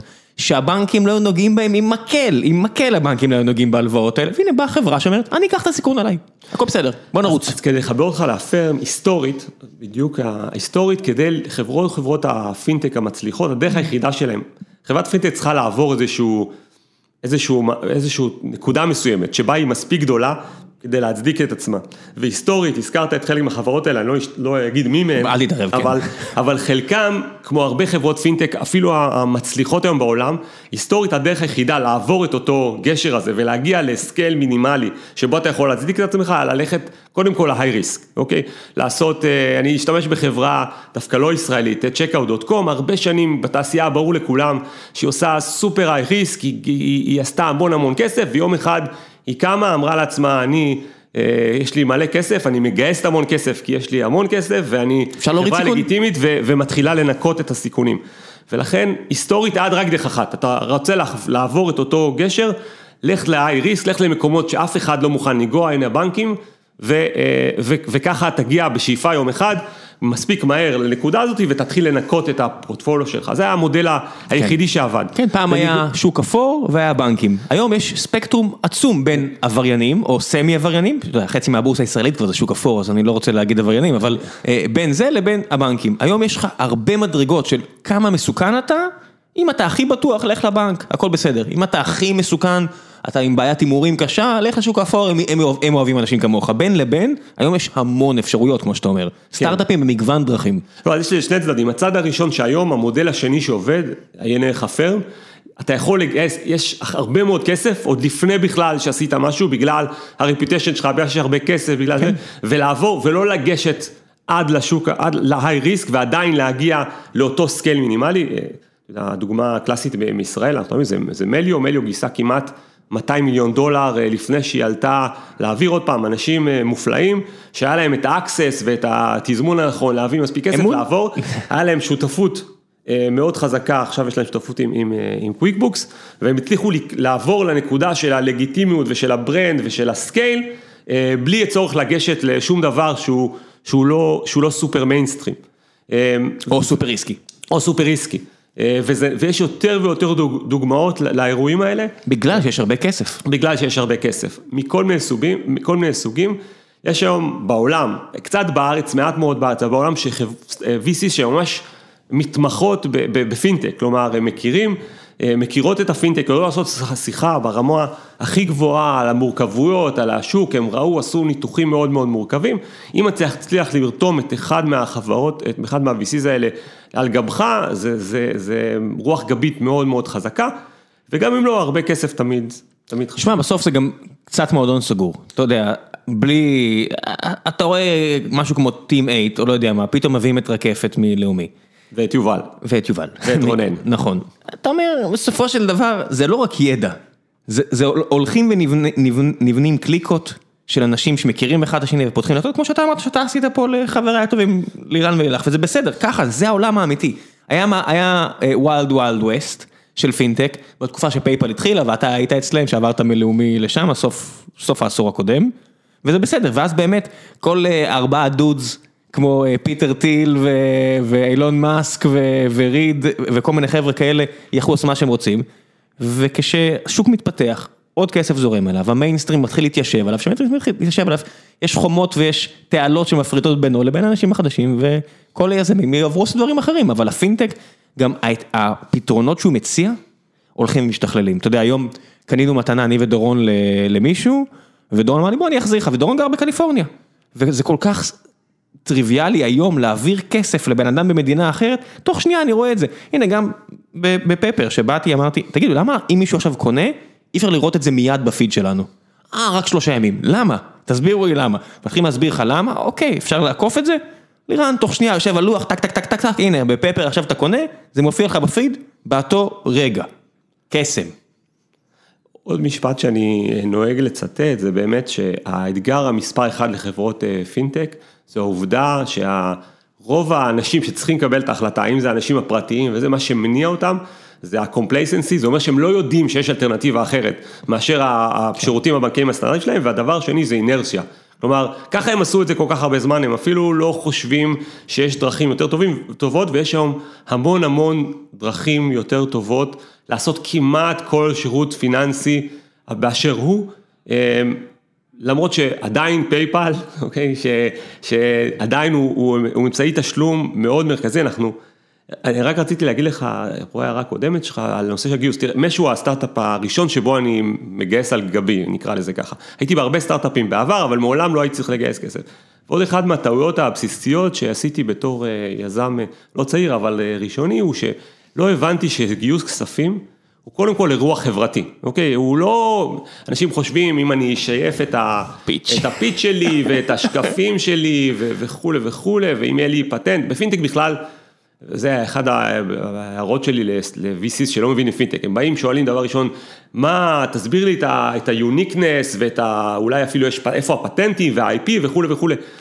Payoneer, Payoneer שהיא חברה סופר מצליחה, אוקיי, מיליארדי דולרים, הם סופר, מאות כן. מיליון דולרים של הכנסות, עזוב כמה, הם, לא, לא, אני אומר, זה ערך אמיתי, כן, זה לא, עשרות לא מיליארדי דולרים, אבל הם מייצרים מאות מיליון דולרים לפי פרסומים זרים של הכנסות. זה לא פרסומים זרים, כן. אין טיפה אה, של פטנט, לא, הציניקאים יגידו שגם הטכנולוגיה זה לא הצד החזק של החברה, הצד של החברה זה היכולת שלה, קודם כל, וכשבודקים חברת אה, פינטק, יש שתי שאלות, עוד פעם, קית' רבוי אמר את המשפט המפורסם, כשאתה מסתכל על חברת תשלומים, תשאל עצמך שתי שאלות בסיסיות, שאלה ראשונה היא, מה ה-distribution strategy שלך, שאולי זו השאלה היחידה דרך אגב, ב payment קודם כל צריך distribution. אי אפשר, היום יקר מדי לעשות distribution של חברת פינטק בגלל כל התחרות. תסביר distribution, distribution, איך אתה מגיע ללקוחות. go to market. אה, אה, היום יקר מדי באמצעים הסטנדרטיים, כל ה-keywords, הכל כבר יקר ותפוס, אתה לא יכול להגיע, אתה חייב. מנוע גיוס לקוחות. דקה אחת על על מה שאמרת עכשיו, המונחים הם CAC ו-LTV. CAC, אה, המחיר שבו עולה אה, להביא לקוח, LTV, כמה כסף אתה תראה מה, מאותו לקוח, אני הולך לפשט לכם עכשיו, ה golden ratio זה שלוש. אתה רוצה להגיע למצב שעל כל, אה, שאם עולה לך להביא לקוח דולר, תרוויח ממנו שלושה דולר. לצורך העניין, חברה כמו Slack, שאם אתם מכירים, כדי להביא לקוח משלם ל Slack, ל Slack מוכנה לשלם 7,000 דולר, זה לא מושגים שאני ממציא, אתם יכולים ללכת לראות. בנקים, אם, אם אתם, נגיד, לפי פרסומים זרים, ה-LTV, ה-Lifetime value של לקוח מערכת הבנקאות הישראלית, נניח הוא עשרות אלפי שקלים, אני לא אנקוב במספר כי אני, אני לא יודע מה מותר לי או אסור להגיד, אבל עשרות אלפי שקלים. ואז אתה אומר, רגע, זה הסיבה ששווה לפרסם בארץ נהדרת ובכל המקומות האלה את לאומי ופועלים? כן, אנשים לא עוברים בנקים, אז אתם לוקחים מכם קצת עמלה וקצת עמלה וקצת עמלה, ואז אולי ידחפו לכם את המשכנתה, ואז פה ואז שם, עשרות אלפי שקלים לאורך החיים שלכם. ואז מגיע סטארט-אפ. והוא נופל לו האסימון שכל לקוח שהוא הולך להביא זה מאות דולרים לכל הפחות. מאות דולרים, שלא לדבר שזה צריך להתחבר לפי שלוש הכנסות על המאות דולרים האלה, כי אם לא... וזה לא יקרה, ברוב המקרים, אלא אם תצליח לייצר מנוע גיוס לקוחות שיעשה לך קיצור טווחים מאוד, זהו, עוד פעם PayPal, מה שעשה דיפרנציאציה בין PayPal לבין מאות wallet ים שהיו לא פחות טובים ולא פחות נחמדים ולא ב PayPal, שהיה לה מנוע גיוס הכנסות, אה, לקוחות בעלות אפס, כמו שאמרת, שנקרא eBay, שעליו הם רכבו כן. במשך שנים, עוד פעם, בתקופתי המופלאה ב PayPal, אנשי eBay היו מסתכלים על אנשי PayPal, זה, זה כמעט מצחיק, אנשי PayPal היו מסתכלים בתור איזה הילדים האלה שאנחנו מחזיקים אותנו על גבנו, זה, זה מדהים, כי היום אנשי PayPal בכלל לא סופרים את, לא סופרים את אה, אנשי אי-ביי, כן. כמה העולם... אה, למי שלא יודע, אי-ביי פעם אחת הכניסו את פייפל לחדר, ופייפל זה כמה מהיזמים המופלאים שאי פעם נולדו, אה, פחות או יותר. ואמרו להם, חבר'ה, אנחנו אוהבים אתכם, אנחנו כל כך אוהבים אתכם שאנחנו רוצים לקנות אתכם. לא, לא רוצים. נחשו מה, אין לכם ברירה, הנה צ'ק, 600 ומשהו מיליון דולר, חברים, תחתמו פה, פה ופה, אחרת אנחנו רוצחים אתכם פה. כי יש מה שנקרא escape velocity, אתה נע סביב כדור, סביב כוכב, ואלא אם כן הצלחת לברוח עם כוח המשיכה של הכוכב הזה, בשלב מסוים הכוכב יכול לעשות לך דברים רעים. אז פייפל מכרו ויצא משם לינקדאין ויצא משם טסלה ויצא משם פלנטיר ויצא משם הרבה מאוד דברים בסך הכל. אני יכול להגיד לך שאני מסתכל אחורה על התקופה שלי בפייפל שהייתה מופלאה על סף, אה, לפעמים אני הרגשתי את משק כנפי ההיסטוריה על גבי, אולי כן. נדבר על כמה אירועים שהיו שם, אבל בסוף מה שנשאר לי מאותו אירוע זה רשת, היום אין כמעט חברה שגוף ה payment שלה לא, לא, אין בו לפחות בן אדם אחד מרכזי שהיה באותה תקופה בפייפל, אנחנו יכולים לעבור חברה, חברה, חברה, אני בשבועות האחרונים ניהלתי שיחות עם ה-Head of Payment של, של AWS ושל מייקרוסופט ושל אטלסיאן ושל לינקדאין והכל היה סביב אותו רשת אה, פייפלית, אה, פייפל היום היא בעצם המפלצת אה, של, של, של התחום הזה. ו... ו... זה לא רק בתשלומים, מרטי קגן שהוא מהאנשים שהכי שינו את עולם ה product העולמי, Inspired, ספר חובה לכל מי שמנהל PM ים או PM בעצמו, product manager, יצא גם מפייפל, כמה שהוא מדבר בסמכותיות והכל, הוא אומר חבר'ה למדתי את זה בבית ספר ההוא, זה הבית ספר הכי טוב שאי פעם היה לי, וזה הבן אדם שהוא הכי אוטוריטה בעולם ה product פחות או יותר. אנשים, אנשים מופלאים, אז דיברנו על distribution כנקודה אחת, והנקודה השנייה זה איך אתה עושה, וזה שונה מאולי גוף תחומים אחרים שבהם זה רק על distribution, זה איך אתה עושה risk ו compliance at scale. ו risk ו compliance at scale, עוד פעם, חוזרים לפייפל, פייפל בימיה הראשונים כמעט עברה על משהו כמו 23 חוקים, יש בלוג מאוד מפורסם בתחום הזה, כמעט 23, וכמעט אה, נסגרה שלוש פעמים ב-Cease and Desist letter, גם מוויזה וגם מרגולטורים, והצליחה לחצות את אותו את אותו נהר ולהגיע לאנשי, כי אם אתה לא מסוגל לעשות risk and compliance scale, פיוניר היא לתפיסתי השחקן היום הכי חזק בעולם ביכולת לעשות risk ו-compliance at scale. risk ו-compliance, הסבר, compliance זה אתה מי שאתה, KYC, know your customer, risk לדעת שגם אם אנחנו יודעים שאתה מי שאתה ואתה לא איזה עבריין אימפריה במזרח אירופה או לא יודע מה, מה הסיכון שבעצם אתה מהווה עבורי? אם אני אביא לך שקל, מה הסיכוי שאני אראה את השקל בחזרה? זה הכל. risk and compliance בסוף מבטא האם אנחנו יודעים שאתה מי שאתה, ומה הסיכוי שאתה תעשה מה שאתה אומר שתעשה, זה הכל. לגמרי. רק בכמויות עצומות של אנשים זה נהיה בעיה סופר מורכבת. אחד הדברים המופלאים שיובל עשה, שגרמו בצורה דרמטית להצלחה של החברה, היא שבנקודה מסוימת, כשהוא הבין שהחברה עובדת מהמצב של הגרילה שבה הוא ייצר הזדמנויות מטורפות, עכשיו צריך לעשות risk ו-compliance at scale כדי לעלות לשלב הבא, הוא הביא מנכ"ל אמריקאי שזה החוזקה שלו, הוא איש risk ו compliance, בין השאר הוא חזק מאוד, אבל risk compliance, אחד מה... היכולת שלו לתרגם risk ו compliance לעסקים היא אחת החזקות שלתפיסתי יש היום בעולם ה payment העולמי, וזה מה שלקח את החברה לאן שהיא, שהיום בעצם מחברה שהתמודדה עם אתגרים compliance ים ולא לחזור לכל ההיסטוריות, היום היא אולי, אולי ה-lighthouse, איך, איך עושים risk compliance ו scale, איך מזהים בן אדם בכל מקום בעולם, ולכן מירב החברות הגדולות, וזה חוזר ל distribution, היום מי עושה לפיוניר, למה פיוניר כל כך מצליחה? כי ה distribution partners שלה זה Airbnb, זה אמזון, זה Upwork, זה החברות שבעצם כשאתה רוצה לקבל כסף, הדרך שלהם לשלם לך היא דרך פיוניר, ובאותו רגע אתה, לא רק שקיבלת כסף מ-Airbnb, גם הפכת להיות לקוח אה, של פיוניר, אה, וזה מה שהיום בעצם המנוע היום כבר פיוניר הוא brand, בטח במדינות מסוימות. אני שמעתי על פיוניר שנים, הם פה, אתה יודע, ראיינתי אנשים שעובדים שם, או מנסה למשוך משם אנשים, אני מכיר את החברה, אני סומך עליה ועדיין, עד שלא הייתי צריך לקבל כסף מאיזשהו גוף שהיה צריך לשלם, והייתי צריך לדווח, והייתי צריך את כל הדברים האלה, לא פתחתי חשבון בפיוניר. פתחתי חשבון בפיוניר שהבאתי ייעוץ למישהו באיזה GLG, לא משנה, אמרו לי, קח, אתה רוצה כסף, פתח חשבון בפיוניר. נכון. והחוויה הייתה חלקה כמו טוסיק של תינוק בן יומו, ממש כאילו... אז עלות הגיוס שלך לפיוניר הייתה אפס. אפס. אוקיי. לא, אני לא יודע, אלא אם כן הם מביאים איזשהו קיקבק לחבר'ה אחרים, מה שלא נראה לי. א', לפעמים צריך, אוקיי, לפעמים גם הם עושים את זה, אבל בסוף, כן. בטח אם אתה משווה את זה לכל דרך גיוס לקוח אחרת, אין ספק שהם... החברות המצליחות באמת, זה הדרך שלהם למצוא את אותו שותף שעליו הם ירכבו. הנה, פייפל. פה בסטרים אלמנטס אנחנו, יש לנו עניין של טיפים מהקהל ליוצרי תוכן. עכשיו זה לא חלק מהמודל שלנו, אנחנו לא נוגעים בכסף הזה, אבל אם צריכים לאפשר סליקה. בשנה אחת אנחנו סולקים לעניות דעתי כ-60 מיליון דולר שזורמים דרכנו מהקהל ליוצרי התוכן כל שנה. פייפל או אדיאן, שתי חברות שדואגות אם זה כרטיסי אשראי או אם זה פייפל. גם אם הם שילמו לנו, מדובר על פרוט... אני אפילו לא סופר את הכסף הזה מרוב שזה לא, לא מעניין. והנה, סידרנו להם, מה, אלפי לקוחות, עשרות אלפי לקוחות, מאות אלפי לקוחות, לא יודע כמה זה עבורם, כלום. אבל זה הכוח של brand.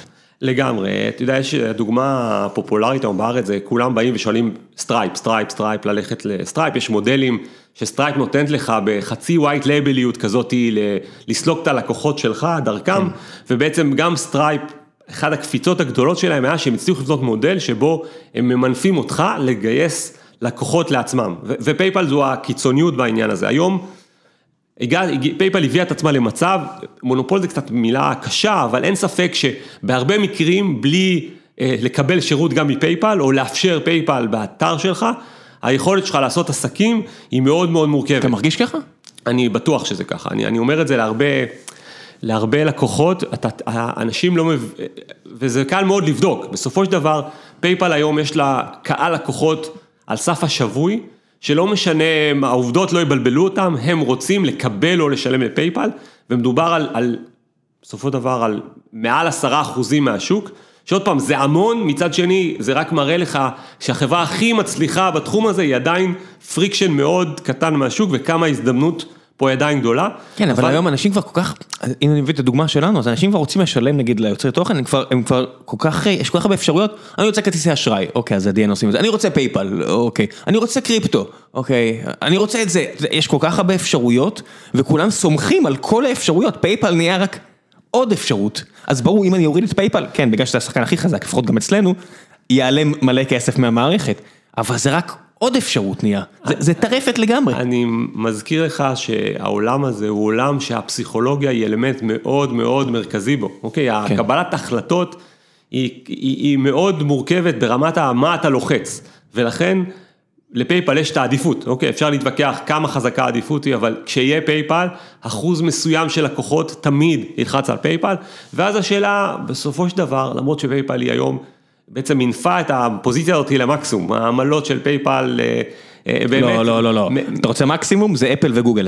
אתם היום קונים בתוך אפליקציה, או הילד שלכם קונה איזה משהו בתוך משחק, אה, וזה קורה הרבה. אפל וגוגל לוקחים 30 אחוז מהרוב המוחלט של המקרים, אז הנה עכשיו אפל אמרו, הורדנו ל-15 אחוז, אל, אל תיגעו בנו. לא, 90 ומשהו אחוז מהזה זה עדיין אותם אחוז מקסימלי של 15 או 30, תלוי בסיטואציה, זה הרבה יותר מאשר כל שחקן אחר. מה שאפל וגוגל עשו, הם יצרו קהל שבוי. עוד מיסקונספציה להערתך, שאנשים לא מבינים על, על הנושא של העמלות הפיננסיות, לפעמים אנשים באים שואלים, תגיד, למה בנק לוקח ככה, כמה זה כבר עולה לו? ואני עוד פעם חוזר לאחד החוקים הבסיסיים בעולם הפיננסים, הוא שרוב ההצדקה לעמלה מסוימת היא כי אפשר, אוקיי? כי לא, לא התווכחת. כי אפשר, אוקיי, ולכן... אני אומר את זה in a good way, זה חלק מהחוזקות של הגופים הפיננסיים, הרבה מאוד מהעמלות, אין להם שום משמעות, אתה יודע, ל PayPal להעביר כסף מחשבון PayPal לחשבון PayPal שני זה איזשהו flag ב database, ולמרות זאת אתה משלם את זה, משלם על זה שלושה אחוז. למה אתה משלם שלושה, למה PayPal דורש ממך שלושה אחוז ולא, כי אפשר, אוקיי, בניגוד לאחרים שאולי לא היית מוכן, אה, מוכן ללכת אחרי זה לא תמיד ככה, למשל בפפר פיי, אה, שלצערי חטפנו בראש מביט וזה עדיין כואב לי, אבל אה, אם אתה מעביר בתוך לאומי, זה באמת פלאג, אז אתה מעביר כסף מה, מה, מהרשומה הזאת לרשומה אחרת, אבל אם קיבלתם כסף מישהו בבנק אחר, אני כבר צריך לעשות פעולה שמישהו לוקח עליי עמלה, ואז באמת זה כן עולה כסף. זה שאני בולה את זה כי אני חייב להיות סופר אגרסיבי, זה בסדר, שום דבר לא עולה לכם כסף שם, אבל... תראה, תחום הענקים בארץ הוא תחום מרתק ואני חושב שהוא נושא לשיחה אחרת, אבל אנחנו, בסופו של דבר Pepper Pay כדוגמה מצוינת, קודם כל למרות שהוא בנק לאומי, היה צריך, נכנס לשוק תחרות, נכנס לשוק ל, ל, ל, לפחות בתפיסתו לתחרות, ולכן הוא היה צריך להצדיק את עצמו, מה שלא בטוח שיקרה לאורך זמן. ודוגמה שנייה לגבי Pepper, כמו שתיארת, ואתה יודע, אני ליוויתי את אה, אנשי PayBox הנחמדים, כמה שנים, סופר נחמדים, שכמה שנים עברו אה, סדרות חינוך על ידי הבנקים פה, והסבירו להם באותות ומופתים כמה הם לא בסדר וכמה זה וכמה הם צריכים לשלם, וכמו שאמרת, צריך היום לספוג את עמלת הסליקה, שדורש, פייפל לפי פרסומים זרים, מש, בעצם משלמת לחברות כרטיסי אשראי עבור ונמו, שזה כמו הביט והפפר הישראלים, עשרות מיליוני דולרים ברבעון, כדי בעצם לכסות על עמלות הסליקה, כדי שהעברה תהיה פנימית כחלק מה... אז אז תחשוב על סטארט-אפ חדש שרוצה להתחרות, אין לו יכולת לעשות את זה. כלום. ולחזור לאנשי PayBox הנחמדים, ש, שבאמת העבירו אותם אותות מופתים, ומהם ניסו לעשות disruption לשוק. יום אחד, בנק דיסקונט קנה אותם, ו, ובאותה שנייה הכל נפתר, אוקיי? לא, לא השתנה שום דבר דרך אגב. זה היה עוד, אפילו לא העבירו את המקום, האנשים, כן. כל מה שהשתנה זה שהם היו חלק מהמערכת הפיננסית. כן, אני- אני עוצר את עצמי פה, כי א- אולי לפי פרסומים זרים 24 שעות לפני, אני ישבתי איתם, אבל בסדר, אבל זה כבר, אני אשמור את זה לפרק אחר. כן, אז, אז בסופו של דבר חייבים להבין שהעולם, אני תמיד ממליץ ל- ליזמים שרוצים להיכנס לפינטק, לנסות להבין מה הם הולכים לעשות. זה יכול להקל להם מאוד, יש פה אתגר, כי אני מסתכל על עצמי שעברתי כל כך הרבה בעולם פינטק, הרבה, אתה יודע, אחד הדברים, אחד הבדיחות הפינטק החביבות עליי זה שהרבה שנים, כל בערך כמה שבועות היה בא יזם, אומר אני חייב, יש לי רעיון מטורף, אוקיי, בטח בימים אלו, רעיון מטורף, אני רוצה שתחתום על NDA, כי הוא כל כך מטורף שהוא זה, ותמיד, התור, הרעיון הוא תמיד אותו רעיון, לשים מכונות, כרטיסי אשראי באולמות אירועים, עכשיו זה כבר לא רלוונטי, אפשר לספר, כל כמה, כל חודש, חודשיים היה לנו כזאת בדיחה בלאומי קארד, היה מגיע יזם, חלקם אנשים מאוד מפורסמים, חלקם זה עם רעיון מטורף שאף אחד לא חשב כן, עליו. גיא גיאור, כל מיני כאלה שניסו לעשות את זה. אתה כן. אמרת, אני לא... אני אומר לך, משתמש, בסדר, אוקיי. כן. ותמיד, ובלי הבנה בסיסית, מה האתגרים, מה המורכבות, מה בעיית הטראסט שיש. עוד פעם, הבעיה מספר אחד בעולם הזה של הזה הייתה שאף אה, דודה פולניה לא תגיע לאולם בלי תחוש, בלי ידיעה שבמאה אחוז מהמקרים היא תצליח לשלם את המתנה, זה לא קשור לא לעמלות ולא לתשלומים ולא לזה, יש פה שאלות פסיכולוגיות מאוד מורכבות, ולכן זה נכון, גם חברות הפינטק המופלאות של היזמים, הזכרת את, אה, את, את, את, אה, את הפרם, את סקוויר, את ונמו, אז גם ג'ק דורסי שהגיע לעולם התשלומים בלי הבנה, זהו, הוא לקח לצידו אנשים שהבינו, אני, הוא הזכרת את מש, עכשיו אנחנו בדיוק סוגרים סיבוב, ואחד המשקיע הראשון של... ספר קצת על מש. כן, אחד, ה-. אחד, הס- אחד המשקיעים עכשיו שנכנס בסיבוב הוא המשקיע הראשון של אה, סקוויר? בסקוויר, ו- מי ו- המשקיע- מי המשקיע הראשון בסקוויר? אה, ריין גילברט. אוקיי, לא- לא מכיר. אה, ובסופו של דבר, אנחנו, צריך להבין, אם אתה רוצה להתקדם, אתה צריך להבין. נכון שזה לפעמים יש פה trade-off, כי מכיוון שאתה, אני כבר, ראינו, כל כך יש כל כך הרבה בעיות. שמע, אתה ב Dunning. ב Dunning Kruger, אתה אתה יודע כל כך הרבה מה אתה לא יודע, שזה יכול כמעט to cripple you.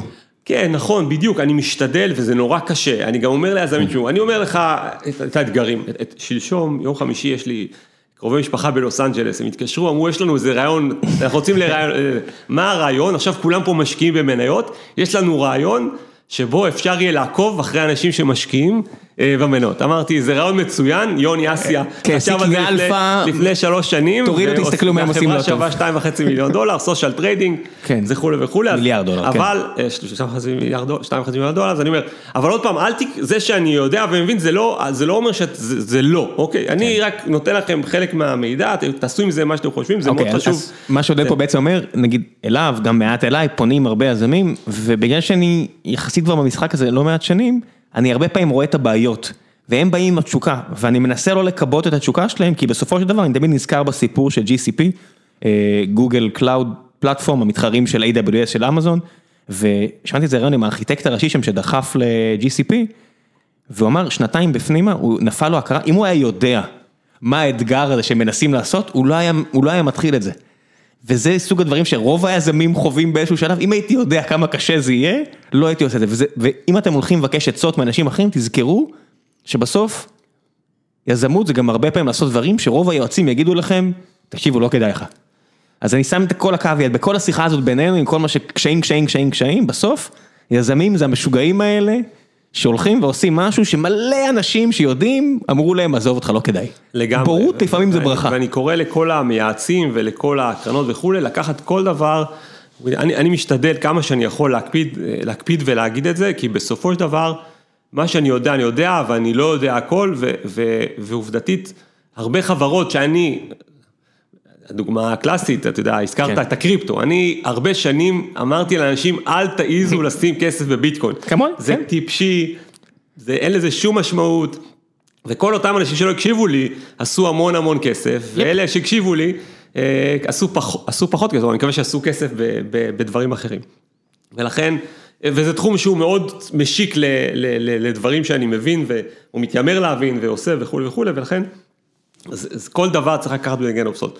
מש זה, סיפור ארוך ומורכב, אני, אני יכול להגיד שאנחנו התחלנו לפני שנתיים וחצי, אה, באנו לפתור בעיה אה, אחרת לגמרי, cross border B2B payments, איך משלמים למדינות אה, מתפתחות, אה, בעסקים במדינות מתפתחות, אה, היינו הסטארט-אפ הראשון שוויזה אירופה, שיש להם משרדים של 22, ואני ממליץ לכל מי שהוא יזם פינטק, עכשיו כבר אין משרדים, אבל, ורוצה להתחיל לשבת שם, יש לזה המון המון, אני התלבטתי מאוד, ובסוף החלטתי כן לשבת שם, והיה לזה המון, המון דיווידנדים.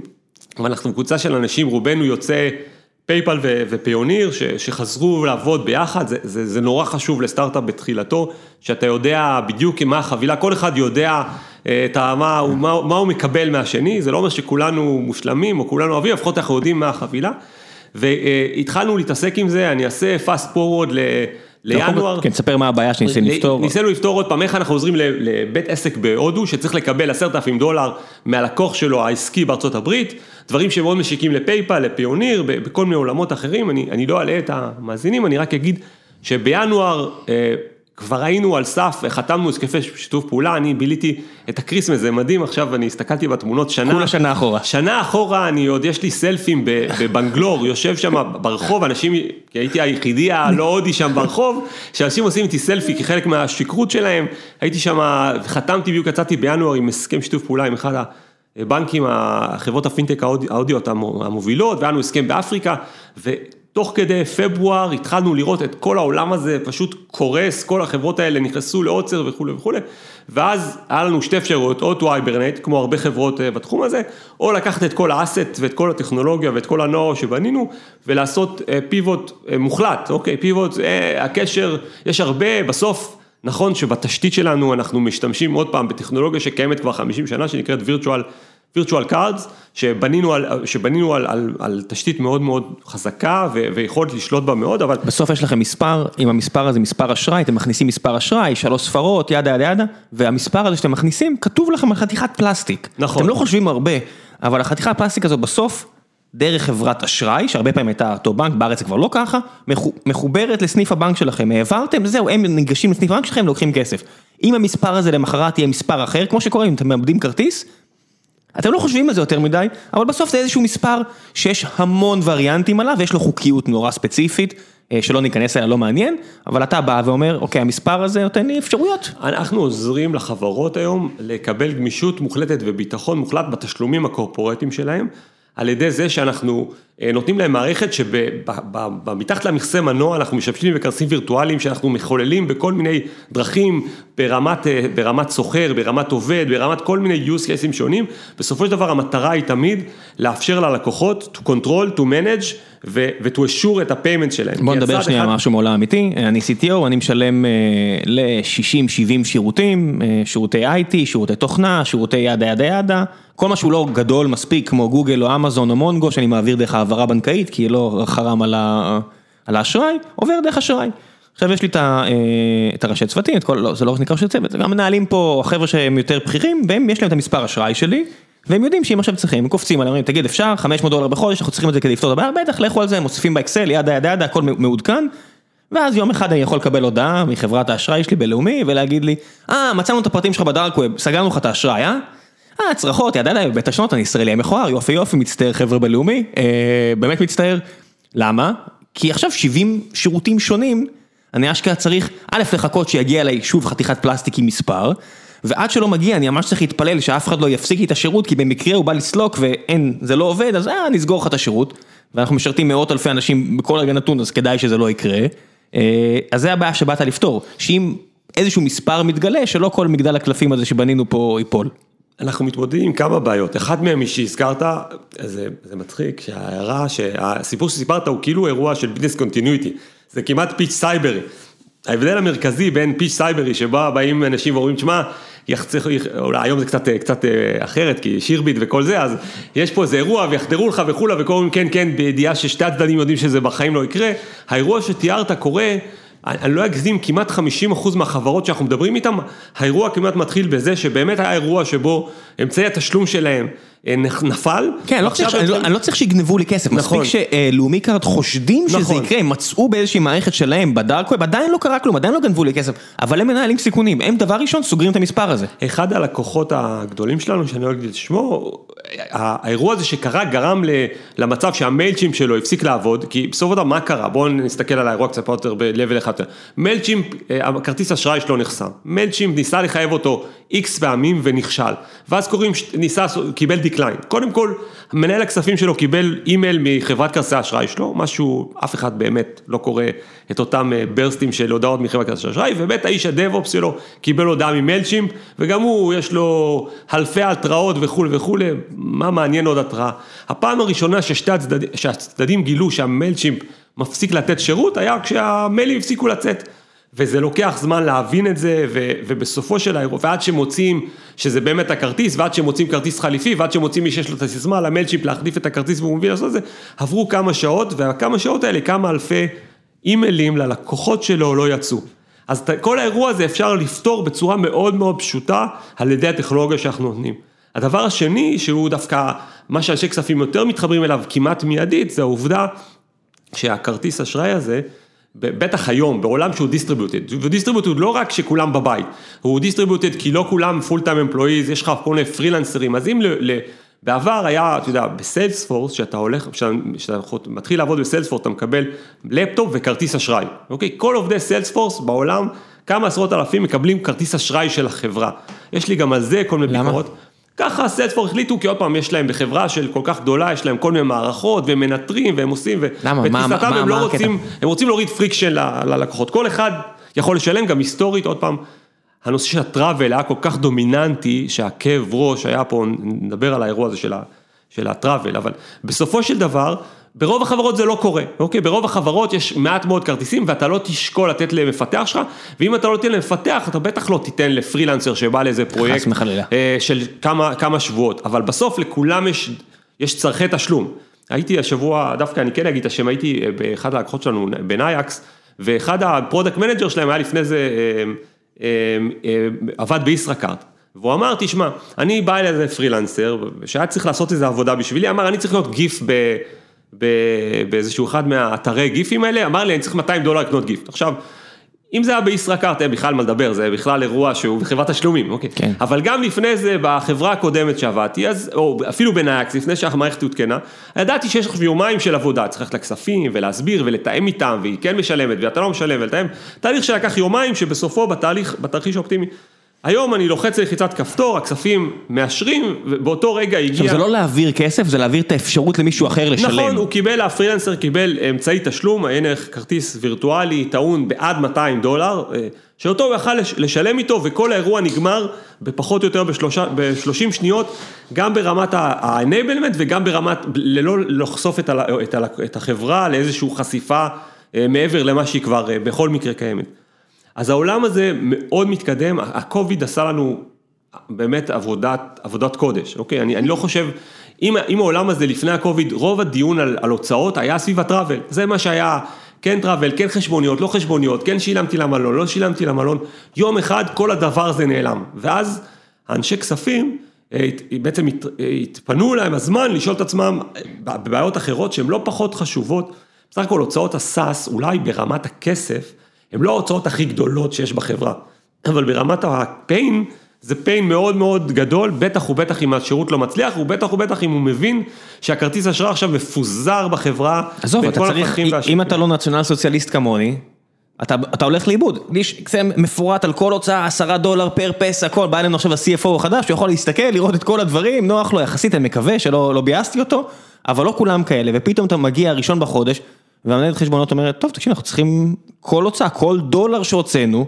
הרואה רוצה לדעת, זה לא משחק ילדים פה, תביא קבלות. עכשיו אתה מתחיל לבזבז זמן על למצוא את הריסיט פה וריסיט שם, ומאיפה שילמתי ולמה שילמתי וכו' וכו', כן. ואת כל זה אנחנו פותרים, ובסופו של דבר, כדי לחבר לחלק מה... העולם הזה שהוא עולם שהוא כולו נשלט על פינטקים, הבנקים, היכולת שלהם, תאורטית אתה אומר, רגע, למה הבנק שלי לא נותן לי את השירותים האלה? אז זה הדבר ה...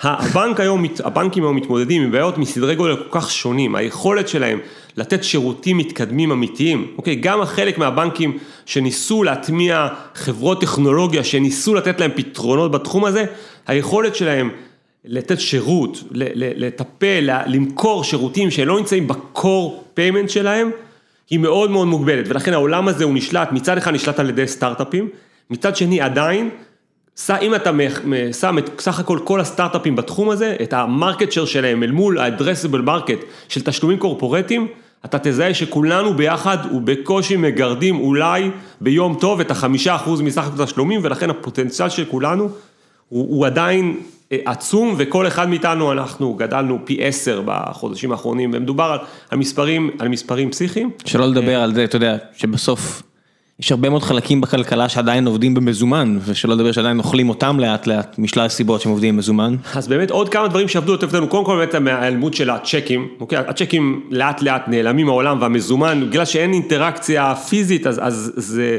זה, זה נדרש, אוקיי, ודבר שני, אותם מובייל uh, וולטס, uh, אני לתפיסתי, לא לתפיסתי, אפל פיי בשוק הישראלי אפילו הולכים להיכנס, אני הייתי עכשיו ב... כמו הרבה ישראלים אחרים בסוף שבוע בדובאי, לא לעשות עסקים, לעשות uh, uh, חופש. אני יכול להגיד לך, ואשתי קצת הייתה מרוגזת עליי, שאני לא הוצאתי את הארנק שלי בכל הטיול הזה בדובאי. את כל התשלומים בדובאי עשיתי עם הטלפון הסלולרי שלי, וזה אומר מהחנות רחוב הקטנה ב... לאיפה זה מתחבר? בשוק זה מתחבר לזה שה... בעזרת לא, הקומבינציה של הכרטיסים, אה, אז איפה הוא מתחבר? סליחה, כן, כישראלי, למה לא. זה מתחבר כבר? לא, אז אני אומר, היום הטלפונים, כבר היום רוב המסופים, בנק ישראל נתן הנחיה לכל חברות הסליקה אה, לאפשר את אותו NFC אה, אלמנט בתוך הזה, אתה תהיה לך היום להמון חנויות, AMPM וכולי, אתה תראה שיש מסוף שהוא כבר, אפשר לגעת בו, אוקיי? אתה יכול לשלם לו עם הארנק של בנק לאומי, או לצורך העניין, אם יש לך בנק זר ואתה יכול לבוא עם האפל פיי שלך, אתה יכול לשלם לו בישראל ב... אחוז מאוד מאוד גדול בבתי עסק, וברגע ש Apple Pay, וכבר זה פורסם בגלל שחברות ציבוריות, שרוב הבנקים בישראל חתמו עם Apple Pay, זה אומר שאני מצפה שאיפשהו באזור ינואר, פברואר, רוב הבנקים בישראל יכריזו על, על, על עלייה של Apple כן. Pay עם הכרטיסים שלהם. גם Google Pay או רק Apple Pay? נכון לרגע זה, לפחות פעם, לפי Apple Pay פרסמו, Google Pay לפחות לא פרסמו שהם ייכנסו, אני מניח שהם יראו את ההצלחה של Apple Pay אז, אז, אז הם ייכנסו. זה מה היה ראשי אה, תיבות של NFC ב-2008? אה, לא. זה בפועל התחיל כמה שנים, עשור לפני כן כ near field communication. לא, זה היה ראשי תיבות תמיד, אוקיי. כן, אבל ב-2008 כן. אה, זה היה nobody fucking cares. כן. ומדהים איך זה בסוף, כמו בלוטות', הוכיח את עצמו בטירוף הטכנולוגיה הזו. לא, זה לא הוכיח את עצמו, בסופו של דבר, יש בעולם הזה שחקנים, שנק... Visa ו Mastercard הם, הם, Visa, הם אחרי זה Mastercard, הסטנדרט כן. בשוק הזה. יודע, אנחנו לא נדבר עכשיו על, אני תמיד, אני הקשבתי לאחרונה עיקר פודקאסטים שנפתלי עשה עם חבריו מסיוטה, אה, על, על אירועים של סיוטה, הם שכחו איזשהו פרט קטן שסיוטה התחילה כאיזשהו פתרון לכרטיסים וירטואליים חד פעמיים ל consumer וכולי וכולי. ואחד הדברים שגרמו לסיוטה להצליח זה שהם זיהו מספיק מהר ש Mastercard Visa אמרו להם תשמעו, אנחנו הולכים להגדיר סטנדרט, 3-D Secure זה היה עד אז. והם מהר מאוד עשו פיבוט, רכבו על הסטנדרט של Visa, וזה מה שגרם להם להצליח. בעולם התשלומים, Visa ו Mastercard, ברגע שהם מחליטים, והחברות האלה, אפילו את Apple הצליחו ליישר, ו Apple נכנסה ועובדת תחת הסטנדרט שלהם, כדי לקבל את ה acceptance, כדי לקבל כן. את המסופים. זה הסיבה שהרכישה של Plaid, של Visa, כן. שזה קרה, אמרתי, וואו, אם הולכים לאשר את זה, באמת שהרגולטור האמריקאי אה, הוא פודל קטן. מי שלא יודע, Plaid מציעים בעצם, כדי שתוכלו לעבוד עם הבנקים צריך API, ה-API של רוב הבנקים בעולם, לא רק בארץ, נוראים, נוראים, נוראים, באו Plaid, אמרו, עלינו, אנחנו נעשה את בעצם ממשק בין הבנק החוצה, ואז כל מי שירצה יתחבר אליו, ולאט לאט נהפוך את הבנק לברזלים טיפשים, כמו שאומרים. ובאה ויזה, אמרה, או, או, חברים, כמה זה? שלושה וחצי, ארבעה מיליארד דולר שלנו, הכל בסדר, אנחנו נקנה את זה, אנחנו נדאג לכל הסיפור הזה, מה שאנחנו לא הצלחנו, באו הסטארט-אפ הקטן הזה, עשה את זה, ואם היו עושים את זה, ואם הם יסיימו את הרכישה הזו, ויזה ממש מבטיחים את העתיד שלהם מול כל האיומים הבאים, הם מתחברים ממש קרוב ל... לבסיס אני, וליסודות. אני, אני, יש לי הערכה שזה, שזה, שזה כן יקרה? שזה יקרה, ובסופו של דבר, אה, כמו שאתה, כמו שאתה אומר, אה, פלאד נותנים היום בעצם גישה בארצות הברית ואולי בכמה מדינות למערכת הבנקאית, זה, זה מאוד נוח, זה עדיין לא מושלם, אבל אין ספק שזה ייתן לוויזה עוד, ויזה ומאסטרקארד, מנסים to diversify את ה offering שלהם, הם קנו בתחום ה-B2B payment כל מיני חברות, בתחום ה... את Plaid, בתחום ה-access, הם מנסים בסופו של דבר, אם מסתכלים 10, 15, 20 שנה קדימה, וכדי להיות קצת אופטימי, עלות העברת כסף, העברת כסף מצד לצד, תרד עד כדי קרוב מאוד לאפס. כבר היום, ככל שהזמן עובר, החסמים יורדים והטכנולוגיה הולכת ומשתפרת, ולכן ויזה ומאסטרקארד מבינים ש... וזה ייקח המון זמן, אוקיי, זה לא יקרה מחר, זה ייקח כל דבר, כל שינוי בעולם הפיננסי לוקח עשרות שנים, אבל בסוף הדרך, כמו שבסוף הדרך עוד מעט אנחנו נשלם בסלולרי, גם בסוף הדרך עלות העברת הכסף per se, העובדה, אותה, אותו ג'ינס מפורסם, כמה יעלה לבית עסק לתת לך לקחת את הג'ינס ולקבל את הכסף, תהיה מאוד קרובה לאפס. אז מה יהיה, הקאט של, מה יהיה הביזנס של מסת הרוויזה? ולכן כל החברות האלה יצטרכו, כבר היום הן מצליחות, הן מייסות דיברסיפיקציה להכנסות שלהן, אה, עדיין יש אלמנטים של אפקס, value added services, הן כל היום מנסות להמציא את עצמם. זה לא קל, עוד פעם, מכיוון שאני חוזר, זה לא אירוע שיקרה מחר, ואולי לא בעוד עשר שנים, ואולי לא בעשרים שנה, אבל פונקציית המטרה, אוקיי, אם מסתכלים מתמטיקה, בסופו של דבר המחירים הולכים ויורדים, ובסוף, אה, בסופו של הפונקציה הזאת, המחיר יהיה מאוד מאוד קרוב עד כדי אפס. אמר... מה, מה, מה המקום של נגיד אמריקן אקספרס בעולם כזה, בעולם שבו כולם רצים קדימה ואתה מסתכל, איך, איך הם עדיין קיימים? תראה, אמריקן אקספרס, בסופו של דבר הוא בנק אמריקאי, הרבה מאוד מהכנסות של אמריקן אקספרס קודם כל קורות מאשראי, מדברים בנקאיים, בנקאים, השוק הישראלי טיפה מבלבל אותנו על האי הבנה, בגלל כל הייחודיות שלו, אנחנו לא מבדילים בין סולק לבין מנפיק, בין אמקס כבנק לבין אמקס, כן. בסופו של דבר הברית רוב ההכנסות, אם מסתכלים על הדוחות הכספיים של, של אמקס, אה, עדיין הם, הם מגיעים מאשראי, הם מגיעים משירותי ערך מוסף, אמקס משקיעה המון כסף גם בלייצר לעצמה שירותי ערך מוסף, לייצר value ללקוחות שלה, וגם עדיין עמלת הסליקה של אמקס אה, היא הרבה יותר גבוהה, כי, כבר הסבר, כבר דיברנו על זה, גודל, אמון, כי, כי אפשר, לא, כי אפשר, אוקיי. אז, אז לא באמת אפשר, הרבה, הרבה מקומות יגידו לך, אנחנו לא מוכנים לקבל אמקס. אז היסטורית לאמקס גם יש עדיין קהל לקוחות, הם, הם יצרו את האיזון הדק הזה בין לקוחות שהם נתנו להם את האינסנטיב המאוד חזק. אה, שבו הנקודות, בטח היסטורית, הנקודות שבהם הם יצרו להם היו מאוד משמעותיות, לבין בתי עסק, ועדיין זה, זה, גוף, זה, זה גוף דומיננטי, זה הולך וקטן, ואפילו, אבל בארה"ב הוא עדיין שחקן מאוד מאוד חזק, ובתי עסק, עיין ערך PayPal, מוכנים לשלם פרימיום, בהנחה שהם יביאו להם עוד הכנסות, ויש אנשים שעדיין יוציאו את האמקס שלהם. אני תמיד מספר שלפני המון המון שנים הלכתי לארוחת ערב עם נציג ויזה. אה, גם לי זה קרה. נציג, לא, נציג ויזה, אז כן. אירופה ניהלה את ישראל. והוצאתי אמקס. לא, והוא הוציא אמקס, ואני אה. אומר לו, אתה נציג ויזה, איך אתה מוציא אמקס? הוא אומר, כן, אבל יש לי ה British Airways miles שלי על האמקס. אז ב-TI זה היה, בטקסס אינסטרומנטס, אומרים לך, אל תעשה זה, כי זה יכול מאוד להעליב. זאת אומרת, יש לה ממש גאווה על הכרטיסים, אל תוציא כרטיס שהוא לא... זה עולם הולך ונעלם. הדבר האופטימי הזה, שזה עולם הולך ונעלם, אה, בתי עסק עם הזמן, אה, העלויות שלהם יורדות, ה-value ללקוחות הולך וגדל, עולם התשלומים עובר התקדמות מופלאה. ו- ואנחנו עוד פעם רק נסתכל על, על הסליקה כדבר, אם אנחנו משווים את זה לפני עשר שנים כמה קשה היה, לכמה היום אפשר לקבל סליקה, זה עדיין לא one click ועדיין יש בעיות משפטיות ועדיין אתגרות, אבל עם טיפה מאמץ וטיפה עצות טובות אפשר להגיע למצב טוב ולקבל שירותים שיאפשרו לך להתמודד עם, עם, עם רוב הלקוחות בעולם. בוא נעשה שאלות מהקהל אה, ולפני אה, שלב שאלות מהקהל דבר המפרסם. היי חבר'ה, לפני שנחזור לפרק המעולה הזה עם עודד זהבי ולשאלות מהקהל, אני רוצה להזכיר לכם שהפרק הזה הוא בחסות הפודקאסט מה שחשוב, מאת אביב פרנקל והחבר'ה הטובים בכלל. עם ניסיון תקשורתי של מעל 20 שנה בגלי צה"ל, רדיו תל אביב וערוץ 10, אביב פרנקל משוחח עם מומחים בתחומם כדי לתת לנו כלים ופתרונות כיצד להתמודד נכון עם הנושאים החשובים באמת. אהבתי מאוד את הפודקאסט כי הוא קצר ולעניין, אביב מגיע, הוא מאוד חד, הוא יודע בדיוק על מה לדבר, הפרקים הם באזור החצי שעה, מגיעים לנושא, אה, ממש דוקרים את הנקודה, כמו שאומרים, מדברים על פנסיות, על ביטוחי בריאות פרטיים, על אה, איך לנהל את הכסף בתקופת המגפה, שבתקווה תכף תסתיים, ועל מערכת הבריאות הציבורית לעומת הפרטית. היה פרק אחר שמתעסק בסכנות אה, בעולם הסייבר, עם, עם דגש על ילדים. פודקאסט מאוד חד, ערוך טוב, אביב מעולה כתמיד, יש לו גם היסטוריה עם פודקאסטים, הוא גם יזם בעצמו, מישהו שנתקלתי בו מספר פעמים בכנסים וכל מיני כאלה. כיף מאוד לשמוע אותו, כיף מאוד לשוחח איתו. המלצה חמה שלי, הפודקאסט מה שחשוב, מאת אבי פרנקל. ועכשיו, בחזרה לגיקונומי עם עודד זהבי, תהנו. שאלות מהקהל, נועם שואל, מה הסיכויים שנראה מתחרה לוויזה ומאסטרקארד שתיקח פחות עמלות מעסקים ותהיה פופולרית כמוהן? אה, בלי לחזור, בלי לחזור על מה שאמרתי, הסיכוי הוא מאוד נמוך, אני אה, לא, לא רוצה להגיד אפס, אבל ה acceptance שהם יצרו בעולם הזה, והיו ניסיונות רבים וגדולים ומוכשרים לנסות, זה, הרמה, היכול, היום ה reach של הרשתות האלה היא כל כך גדול, שאין אין, אין, אין, אה, אין הצדקה עסקית להתחיל את כל הדבר הזה מאפס. אני חושב שכן, כמו שאמרתי, המחירים ירדו וגם הם, אבל הסיכוי שיהיה אלטרנטיבה לוויזה או מאסטרקארד בעשרות שנים הקרובות הוא, הוא נמוך, ואני לא אומר את זה מתוך סקפטיות, אני אומר מתוך הבנה של האקוסיסטם. אמ, אם מיכאל שואל, מיכאל...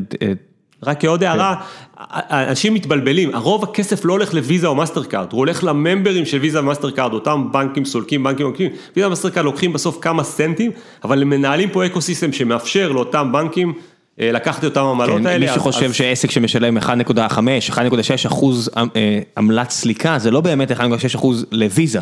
נכון. בסוף יש בנק שמאפשר את כל זה, ויזה נכון. עובדים בארץ עם פועלים, לאומי, דיסקונט, כל הבנקים. יש... בסוף תמיד תחשבו שיש מאחורי הקלעים בנק שנסחר במכפילים מאוד מאוד נמוכים, נכון. כי הכל נורא ברור ו- ונורא...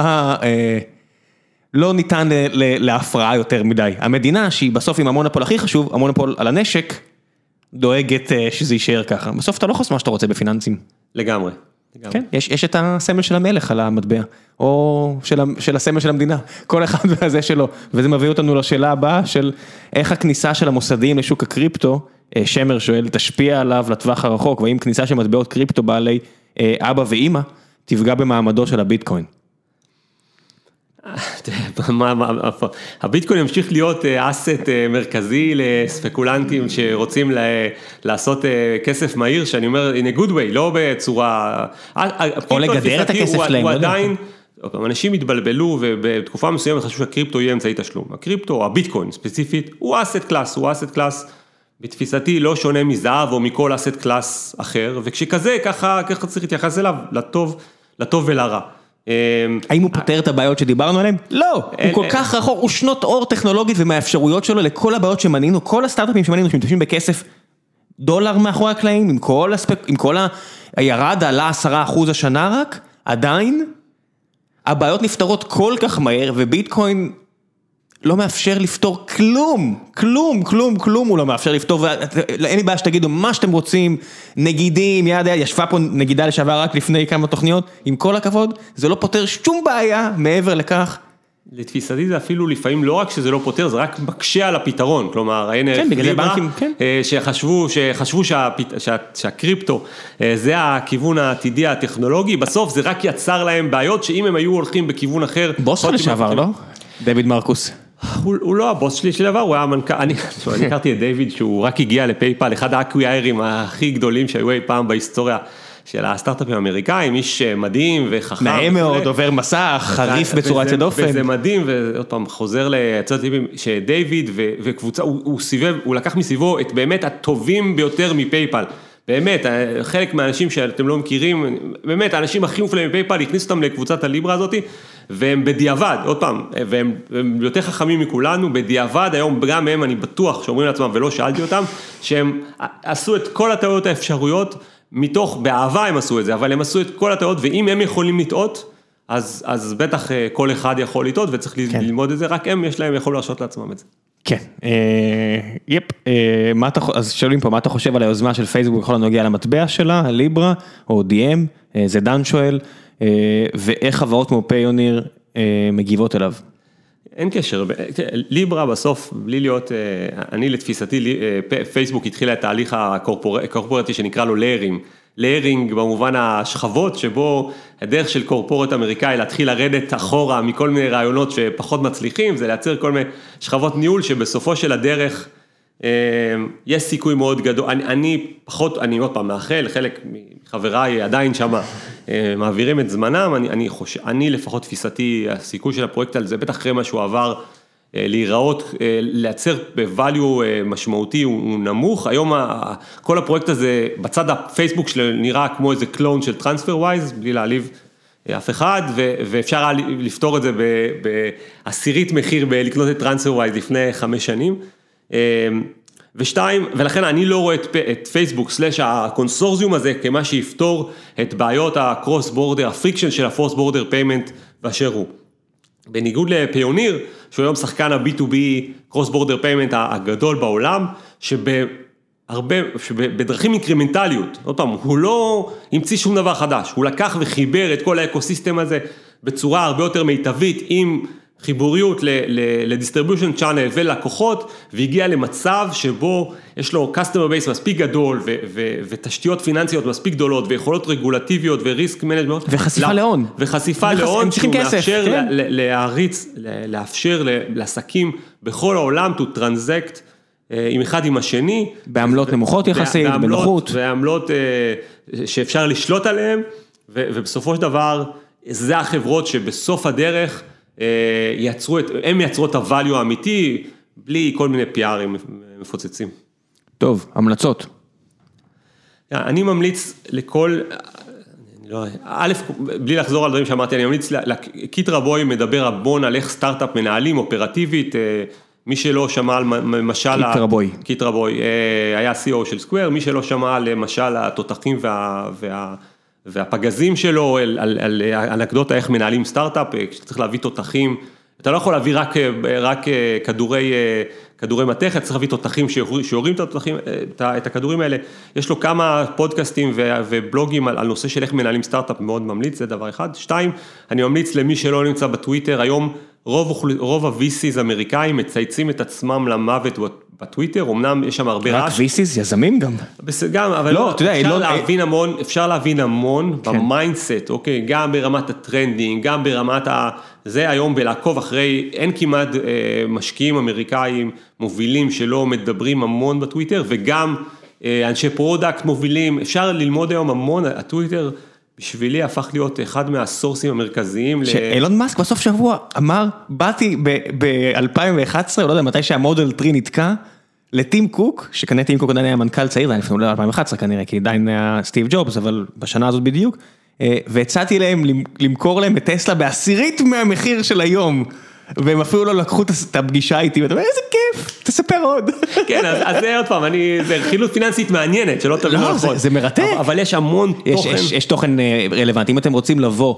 והנה, אתה עשית pivot, זאת אומרת, דיברתי איתך בזמן הזה, וגם כצרכן פוטנציאלי והכל, וראיתי את זה ב live, וזה הכל כל כך מהר, הרי אתה יכול להתאים את עצמך למה שמשקיעים רוצים לשמוע, שאתה אומר, כן, אבל איפה החזון? בבלת, אתה צריך כסף, אתם צריכים לגייס כסף, היום אם אתם לא מגייסים seed של מיליונים, ואז round A של הרבה מיליונים, ואז round B של המון מיליונים, סופר קשה להתחרות, הדולר מתרסק פה, אתם רוצים להעסיק עובדים בשקלים, אתם צריכים המון כסף, אתם רוצים שלא להיות לחוצים, הרי לגייס כסף זה עבודה במשרה מלאה. אתם רוצים לעשות אותה כמנכ"לים, כמה שפחות, ואז לחזור להתעסק בדברים אחרים, אז אתם צריכים לגייס יותר. תקשיבו למה שהמשקיעים אומרים שהם צריכים, אל תנסו למכור להם משהו שהם לא מבינים שהם צריכים, זה לא עובד ככה, מה לעשות? אלא כן, אתם עושים עסק שיודע להכניס כסף בלי כסף זר, וזה בסדר. לגמרי, ותראה, עורך דין היום שמבין ב compliance ב payments אמריקאי, אם הוא נותן לך הנחה, מדובר על מאות דולרים לשעה, אוקיי? וזה רק כדי אה, ליהנות מ... אה, מאורו. יפה שאמרת הנחה, כי כן, כשאני כן. באתי ל-CCPA, המקבילה של GDPR בקליפורניה, ואמרו לי אלף דולר, שאמרתי, כמה? אלף דולר לשעה.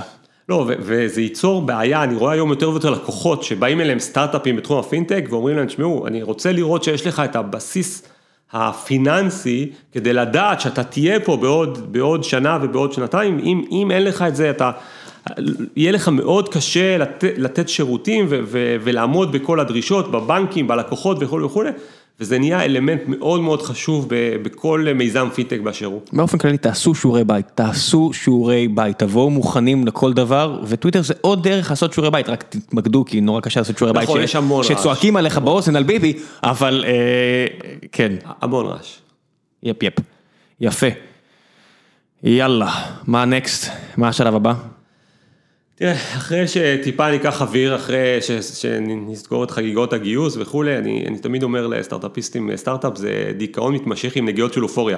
אז, אז עכשיו יש איזה נגיעת אופוריה. וואו, זה אפילו לא 24 שעות הדבר הזה. כן, אז זה טיפה, זה... זה שיחת היסטריה בדיוק 12 אה, שעות אחרי. בסוף אנחנו במרוץ לגייס אנשים טובים, אה, עוד אנשים טובים, במרוץ להביא עוד לקוחות. לראות שאנחנו עוברים את ה Christmas הזה וממשיכים לצמוח, בסוף שם המשחק הוא לצמוח, לצמוח, לצמוח, ושם אנחנו מתפקסים, ובינתיים אנחנו, בסוף אתה צריך שאנשים שלך ירגישו שהם חלק ממשהו שהוא טיפה יותר גדול מלבוא בבוקר לעוד איזשהו משרד, לגמרי, וגם זה הוא אתגר יומיומי. לגמרי, לגמרי, לגמרי. תודה רבה עודד. תודה לך. יאללה, ביי.